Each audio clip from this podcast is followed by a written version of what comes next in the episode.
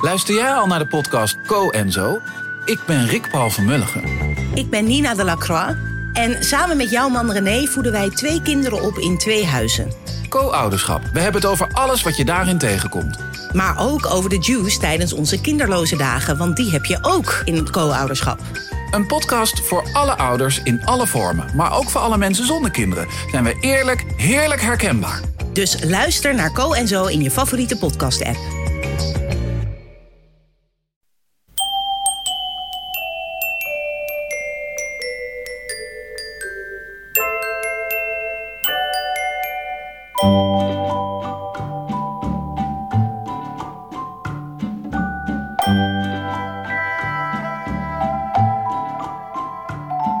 Bij aflevering 398 van Echt Gebeurd, de podcast waarin mensen hun eigen waargebeurde verhalen vertellen. Deze week een verhaal dat Erwin Wieringa in oktober 2021 vertelde tijdens een verhalenmiddag met als thema handel.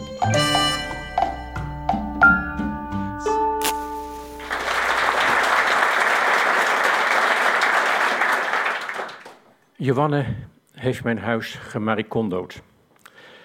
En een dag later zag ik pas hoe goed ze dat had gedaan, want nog maar twintig t-shirts sparkelden joy naar mij. Johanne is mijn eh, dochter. Ze is eh, arts en ze houdt zorgvuldig in de gaten de stadia van seniliteit en aftakeling die ze denkt bij mij te kunnen waarnemen. En ze verwart dat met iets wat ik mijn leven lang gedaan heb, is namelijk spullen verzamelen. Ik ben gek op rotzooi. Ik ben erelid van AliExpress. Dus mijn huis zit vol met troep en, eh, en, dingen die ik kan. Maar goed, ik was geïnspireerd en ik denk, ik ga even naar mijn berging. Want in mijn berging heb ik fietsen. Veertien fietsen. En dan vraag je af, past dat? Ja, dat past, want ik heb een fiets voor in Amerika, om dwars door Amerika te rijden. Heb ik ook een vouwfiets voor, die dan in het vliegtuig mee kan. Heb een extra fiets waar ik goede herinneringen aan heb, omdat ik in Montana daar, is een ander verhaal. En heb ik fietsen voor in Nederland. En natuurlijk een racefiets en een tourfiets en mijn uh, vouwfiets voor in de trein. En uiteindelijk ook een elektrische fiets, want ik ben op leeftijd. Die fietsen die hangen aan de muur. Maar als je fiets aan de muur hangt in een klein appartement, op een gegeven moment lazen ze naar beneden als degene die dat doet twee linkerhanden heeft. Dus ik heb de verkeerde plug gebruikt, zal maar zeggen. Dus ik wist dat er een enorme berg met staal en banden daar ergens op me lag te wachten in die berging. En denk, ik ga het gewoon eens opruimen en dingen verkopen. Ze heeft gelijk. Dus ik was ermee bezig en toen ik aan het opruimen was, dan zie je oude kampeerspullen, slaapzakken en waarom bewaar je al die dingen? Het, ja, nou ja, goed, je gaat dingen weggooien en op een gegeven moment zag ik, en dat is het hoofdthema van dit verhaal, twee grote bruine zakken met erbovenop een plastic bomberjack. Dat moet je onthouden, want dat is de smoking gun in dit verhaal. Ik ga heel veel jaren terug, om te, een beetje dat jullie begrip krijgen voor mijn uh, hebbelijkheid, onhebbelijkheid om dingen te kopen. Ik werkte toen nog voor de overheid en ik was met iets belangrijks bezig. Ik zal maar zeggen de wereldvrede bevorderen. En ik was voor het eerst van mijn leven uitgezonden naar New York in mijn eentje. Nooit geweest. Het was voor de tijd van internet en, en whatever je hebt. Dus vrienden zeiden tegen me van, in New York kon je dingen kopen, daar droom je van in Nederland. Ze hadden daar bijvoorbeeld de Sony Walkman. En voor degenen die dat niet kennen, dat is een apparaat waar je een bandje in, schuift. En dan doe je een koptelefoon op en dan kan je naar de muziek luisteren terwijl je beweegt, terwijl je loopt. Dat was tot die tijd was dat gods mogelijk. Dus ik kom uit dat vliegtuig. Mijn hotel was net achter Times Square. Ik was flink gejetlagd, eigenlijk wat moe. Maar ja, de dag erop zou, moest ik in New York afspraken, Washington en daarna weer naar huis. Dus ik denk, ik ga een beetje zwerven. En als een schooljongetje stond ik verlekkerd naar die etalages te kijken. Prachtige etalages, vol met elektronica, zonder prijsjes. En daar voorin lag dan die Walkman, gemaakt door de firma Sony uit Japan. Ik keek ernaar en er komt een man naast me staan. En die zei, mooi zijn die dingen. In het Engels, want we spreken Engels. Maar als jullie geen Engels spreken, doe ik dit in het Nederlands. Zij, uh, dus die man komt naast me staan en die zegt mooi zijn ze, mooi, ja, ja. Ze je wil een Walkman hebben. Oh ja, ja, die daar. Ja, ik twijfel nog. Ik heb 100 dollar die ik kan besteden. Nou, dat kostte zo ongeveer, zei dat kost hij wel. En toen zei hij van, weet je, weet je dat er een nieuw model is? Eentje waarmee je ook kan hardlopen. En die klein beetje regenwater kan verdragen. De Sports Walkman. En die heeft ook Dolby ruisonderdrukking. Ik wist niet wat dat was, maar dat klonk gewoon fantastisch. En ik wist dat ik in Nederland terugkomend iedereen zou een appelflauwte krijgen als ik daarmee aankwam. Want iemand die zulke apparatuur meenam, die kan echt ook de wereldvrede bevorderen. Dus uh, ik ging met hem mee en hij liet me dat zien in een ander etalage. En ja, ik was onder de indruk. Dat was ook de jetlag, maar ik was onder de indruk. En hij zei van, joh, weet je wat ik doe? Ik heb een vriend die werkt in die winkel daar. En ik ga even met hem praten. Ik loop even naar binnen, kom zo terug. En hij loopt naar binnen en zegt van, oké, de baas is er niet. Als we snel zijn, jij geeft mij die 100 dollar, dat apparaat is een stuk duurder. Ik loop naar binnen, jij blijft wachten. Ik wacht op een knikje van hem. Ik ben binnen een minuut weer buiten. Hij geeft hem en niemand merkt dat jij hebt een dure apparaat. En op dat moment weet ik, ik ga getild worden. Maar ik vond het te leuk. Ik weet niet. Ik denk, het is een goed verhaal. Ik kwets zijn gevoelens als ik niet meega. Dus ik geef hem die 100 dollar. Hij loopt naar binnen. En ik zie hem natuurlijk nooit meer terug. Even later maak ik de deur open en ik zie dat onmiddellijk achter de deur nog een deur is die naar een steegje erachter gaat, et cetera, et cetera. Dus dat is het einde van het verhaal. Zou je denken. Maar jaren later gebeurt er nog iets. Ik ben in Amsterdam, ik woon op Zeeburg-eiland. En dat is een uh, nieuwbouwwijk. Uh, en dan moet je een brug over om de stad te komen. Dat hindert me wel eens. Maar dat doe je dan toch. En ik werk in mijn werk. Ik werk uh, voor mensen met een handicap inmiddels. Ik ben freelancer.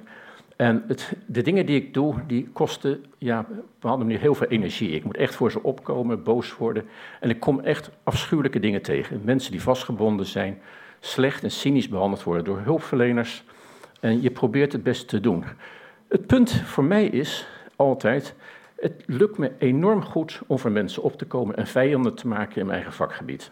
Dat is geen probleem. Maar de dag erna dat je thuis bent, ben ik back af, ben ik moe en vind ik alles best, kijk ik Netflix en dan ben ik zo'n beetje half somber, wat dan ook. Zo'n dag was het.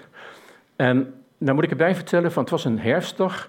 En niet zoals vandaag een prachtige dag, maar zo'n dag die stond op slecht weer, mistig, regen, wat dan ook. En ik zat in mijn uh, huis te kijken, een boekje te lezen. En op een gegeven moment denk ik, wil een plaat opzetten. En ik van, oh nee, die pick-up die is niet goed. Ik moet een nieuwe naald hebben. Ik ga op de fiets en ik ga de stad in en ik ga een nieuwe naald kopen. Nou, de winkel die ik had uitgezocht, die zit uh, daar tegenover de Portugese synagoge. Je kent het wel, Muiderstraat. En daar heb je een, een hi-fi zaak en die heeft van alles en nog wat. Dus ik denk, ik ga een naald kopen voor die pick-up. En ik zit op de fiets, een half uur fietsen. Het begint te regenen, het gaat harder regenen, het wordt koud, er zit een beetje hagel tussen. En ik, wat ben ik in godsnaam aan het doen? Ik ga de deur uit, ik laat mijn zijknat regen voor, voor een naald. Ik loop die winkel binnen, ik vraag ernaar en die man zegt even, ja, welk type bedoel je? Dat is een vraag die is perfect, maar heb me niet op voorbereid. Ik zei, ik weet niet wat je bedoelt. Het is een naald voor een, draai, een draaitafel, heet dat, een pick-up. Ik zei, maar welke? Ja, geen idee. Nou zeg, zoek dat eerst even uit en dan kom je daarna terug. Dus op dat moment heb je zo'n hekel aan jezelf en voel je zo uh, mislukt en denk van, nou, waarom bereid ik me zo slecht voor? En ik loop de deur uit, staat daar een auto. In die auto zit een man en die zwaait naar me hello, hello. En ik loop erheen en hij zegt van, ik ben verdwaald. Het was een Italiaan. Dus het is een beetje, ik ga geen stemmetjes, geen typetjes nadoen. Maar hij zegt van, ik ben verdwaald, ik moet naar Schiphol. Is dat ver? Oh, dat weet ik. Het is gelijk linksaf, rechtdoor, kan niet misgaan. Ringweg, rechtsaf, 10 minuten, 15 minuten als je, als je sloom rijdt. Maar je bent de Italiaan, je komt er wel. We raken in gesprek en hij zegt van, joh, wat zie je eruit? Ja, ik was nat gerekend, ik had een veel te dun jasje aan. En hij zat daar in zo'n prachtige Armani-jas met zo'n bontkraag en wat dan ook. Zat hij in zijn auto, lekker warm. En we raken aan de praat en hij begint te praten over zijn kinderen. En toen zegt hij van, van hoe is dat bij jou? En uh, we hebben nu toch wat tijd. En um, wat doe je nou nog meer? En ik vertel hem wat. En hij zei van, nou, het is voor mij de eerste keer Amsterdam. Nou ja, ik wil graag wat vertellen over Amsterdam. Hoe vond je het? Ach, zegt de hele dag aan het werk geweest. Ik ben fotomodel. Ik moet uh, kleding showen. Die jas die ik aan heb, die is niet van mij. Ja, hij is nu wel van mij. Maar dat is gewoon onderdeel van mijn werk. Die krijg je. En toen zit hij, zit hij maar te kijken. En jij?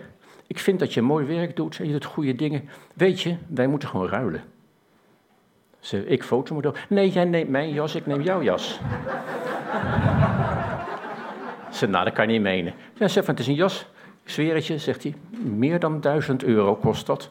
eh, jij neemt gewoon mijn jas over. En uh, we, zeggen er niks van. Het kost, ik heb thuis nog zo'n jas. Ik woon in Milaan. Het is daar veel beter weer dan hier. Ik heb dat ding helemaal niet nodig. Ik geef niet om spullen. Ik er wel. dus ik zei van, nou, dat wil ik best overwegen. Ja, nou, ze, ze, we praten heen en weer. En het is gewoon een ontzettend aardige man. We, we hebben een gezellig gesprek. En op een gegeven moment zei hij van, ik weet het nog beter. Ik moet straks op Schiphol voor mijn kinderen. Ik wil wat meenemen. Ik heb wat contant geld nodig. Jij geeft me 100 euro voor deze jas. Doe er 100 euro bij. Dan geef ik je twee tassen. Met heb je een prachtige jas. Ook Armani voor je vriendin, voor je vrouw. Zeg maar, die heb ik niet. Die ga jij krijgen als je zo'n jas eh, hebt eh, uit te delen. Dus hij overtuigt, nou ja, hij overtuigt me niet, maar het gaat door. En op dat moment denk ik van, ja, dit zaakje stinkt, dit is gewoon een scam. Van hij probeert me erin te luizen. En ik moet op uh, rustige manier zien weg te komen. Maar hij is overtuigd en zegt van, die prachtige jas, voel hem dan. Het is een mooie jas, ik belaas je echt niet. En uh, we regelen dit, ga ik daarna naar Schiphol. En daarna zeg ik het laffe. Ik heb geen geld bij me. Ja, en een pinautomaat. Nou, zei hij, dan ga je toch even naar de pinautomaat. Dus ik denk van, nou, ik fiets weg. Ik fiets terug langs, uh, hoe heet dat daar, de, de, Smet. En dan kom je daar op de hoek, heb je een pinautomaat uh, tegenover Koosje. Nou, je kent dat daar wel. Maar die pinautomaat, die was vervangen door een nieuwe. Staat nu ATM, stond erboven in blauw. En ik denk van, oké, dit is een van de manieren waarop het bankwezen ons proberen op te lichten. Ik was helemaal in de stemming van, ik word nu opgelicht en de banken doen mee. Deze, de, dit ding gaat extra geld vragen als ik dat doe. Maar ik kan hoe dan ook geld pinnen. Ik had het toch wel nodig, dus ik pin geld. Nat als ik was. Ik haal 200 euro eruit en dan denk ik van, nu kan ik gewoon doorfietsen naar huis. Dat zou ik gewoon moeten doen. Maar daarmee kwets ik zijn gevoelens. En misschien, als hij nou geen oplichter is, dan staat hij er misschien nog. Als er wel een oplichter is, is hij weg.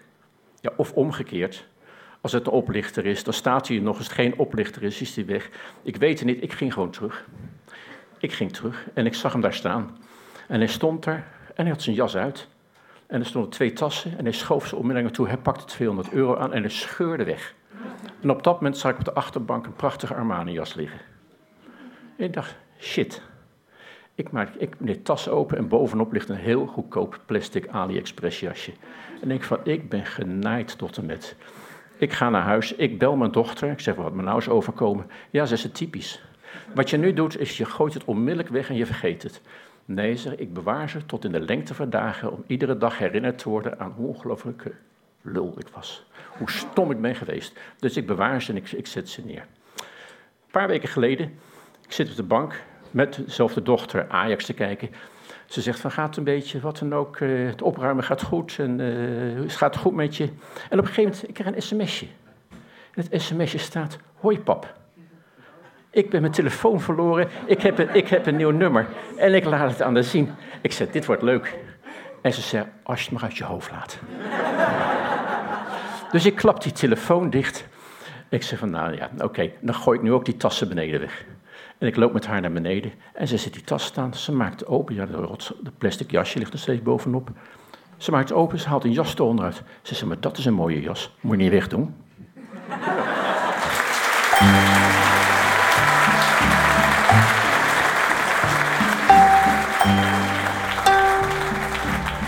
Dat was een verhaal van Erwin Wieringa. Gevraagd wat hij doet in het leven, zegt Erwin dat hij mensen helpt die lastig worden gevonden omdat ze slecht passen bij wat vaak wordt verwacht. Verder fietst hij regelmatig in zijn eentje dwars door onder andere Amerika en leest hij voor aan zijn klein en andere kinderen.